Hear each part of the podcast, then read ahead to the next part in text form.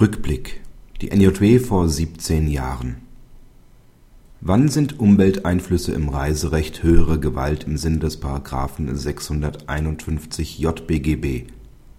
Ernst Führig gibt in NJW 1991, Seite 2192 die Antwort. Kriege, Epidemien, Naturkatastrophen oder auch Strahlengefahr durch Radioaktivität um nur einige Beispiele der von ihm mit Fußnoten belegten Rechtsprechung zu nennen.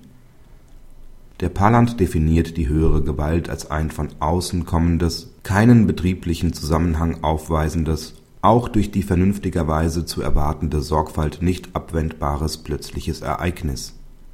Ob darunter auch ein Streik ihrer Belegschaft fällt, wie es jüngst Vertreter von Lufthansa behauptet haben NJW aktuell wird in einem der kommenden Hefte der Thematik nachgehen